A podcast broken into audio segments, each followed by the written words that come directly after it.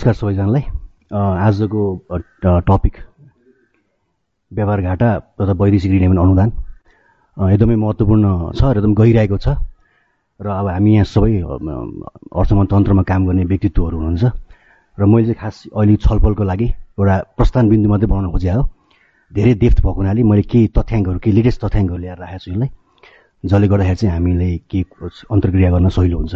अब यो केही समय अगाडि कान्तिपुरमा दैनिकमा एउटा आएको थियो। अब यो सायद अर्थ मन्त्रालयको डेटा हो। गएको पाँच महिनामा हाम्रो भारतसँग मात्र तिन खर्बको व्यापार घाटा भएको छ। तिन खर्ब बाहन्न अर्ब अस्सी करोड उन्तिस लाख रुपियाँको व्यापार घाटा छ। जसमा हामीले भारतबाट हामीले चार खर्बको लगभग सत्र करोड नब्बे लाखको बजु वस्तु आयात गऱ्यौँ भने नेपाल तर्फबाट स सैँतालिस अर्ब सैँतिस करोड साठी लाख रुपियाँको बराबरको मात्र निर्यात भएको छ। एकदमै ठुलो व्यापार घाटा भारतसँग र भारतसँगै सबभन्दा बढी ट्रेड गर्नुपर्ने बाध्यता अथवा गर्नुपर्ने अवस्थाले गर्दाखेरि पनि यो देखिएको छ। त्यसै गरी इन्ट्रेस्टिङ के छ भन्दाखेरि सार्क मुलुकमा हामीले व्यापारको क्रममा चाहिँ भुटानसँग इभन भुटानसँग पनि हाम्रो व्यापार घाटा छ। भुटान र नेपाल कुनै बेला एउटै अवस्थाको भनिन्थ्यो भने अहिले हेर्दाखेरि चाहिँ चौबिस करोड रुपियाँको व्यापार घाटा हामीले भुटानसँग बेहोरिसकेका छौँ। र हाँस एकदम इन्ट्रेस्टिङ अब हाँस्नु उठ्ने कुरा भनौँ या के भनौँ अफगानिस्तानसँग मात्रै हामी नाफा आउँछौँ त्यो पनि अडतिस लाख रुपियाँले गएको पाँच महिनामा। यो आफैमा एउटा एउटा चाहिँ अब रोचक कुरा। अब यो वैदेशिक ऋण एवं अनुदानको कुरा गर्दा चाहिँ दस वर्षको अवधिमा ऋण सहायताहरू नेपालमा बढ्दै गएको र अनुदान चाहिँ घट्दै गएको भन्ने कुराहरू पनि आछ र गएको दस वर्षको तुलनामा ऋण सहायता झन्डै दस गुणासँगले बढेको र अनुदान चाहिँ सैँतिस पोइन्ट पाँच प्रतिशतले देखिएको छ। सन् दुई हजार बाह्र तेह्रमा हेर्दाखेरि चाहिँ नेपालले अन्ठाउन्न करोड तिस लाख अमेरिकी डलर बराबरको अनुदान सहायता ल्याएको थियो प्राप्त गरेको थियो।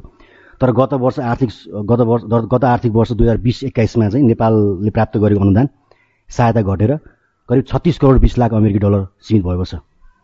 अब यो एउटा ट्रेन्ड इन्ट्रेस्टिङ ट्रेन्ड हुनसक्छ किन अब किन हाम्रो आर्थिक गतिविधि घटेको भन्छौँ तर विदेशीले हामीलाई हेर्दाखेरि चाहिँ लोन बढाइरहेछ कन्सेसनल लोन बढाइरहेछ। नेपालले ऋण चाहिँ दुई हजार बाह्र तेह्रमा एघार करोड अस्सी लाख अमेरिकी डलर बराबर ऋण ल्याएको थियो भने अब अहिले चाहिँ नेपालको ऋण सहायता बढेर एक अर्ब बाह्र करोड रुपियाँ भएको छ दुई हजार बिस एक्काइसमा।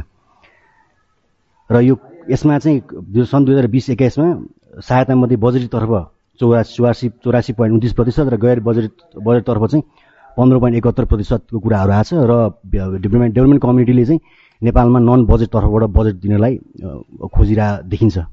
किनभने बजेट तर्फबाट चाहिँ खर्च गर्ने क्यापेसिटी हाम्रो कम भएको हुनाले र इफिसियन्सी नभएको हुनाले चाहिँ विदेशीहरूले डेभलपमेन्ट एजेन्सीहरूले चाहिँ गैर बजेटबाट गर्न खोजेको देखिन्छ र त्यसलाई चाहिँ पनि पोलिटिकली क्यास पनि गरिन्छ किनभने गैर बजेटबाट खर्च गरेपछि विदेशी एजेन्ट विदेशीहरूले डेभलपमेन्ट एजेन्सीहरूले नेपालको पोलिटिक्समा खेल्न खोजेको भन्ने कुराहरू पनि गरे गरेका छन् पोलिटिकल पार्टीहरूले जुन चाहिँ उनीहरू राजनीतिक एजेन्डा पनि एउटा भएको छ।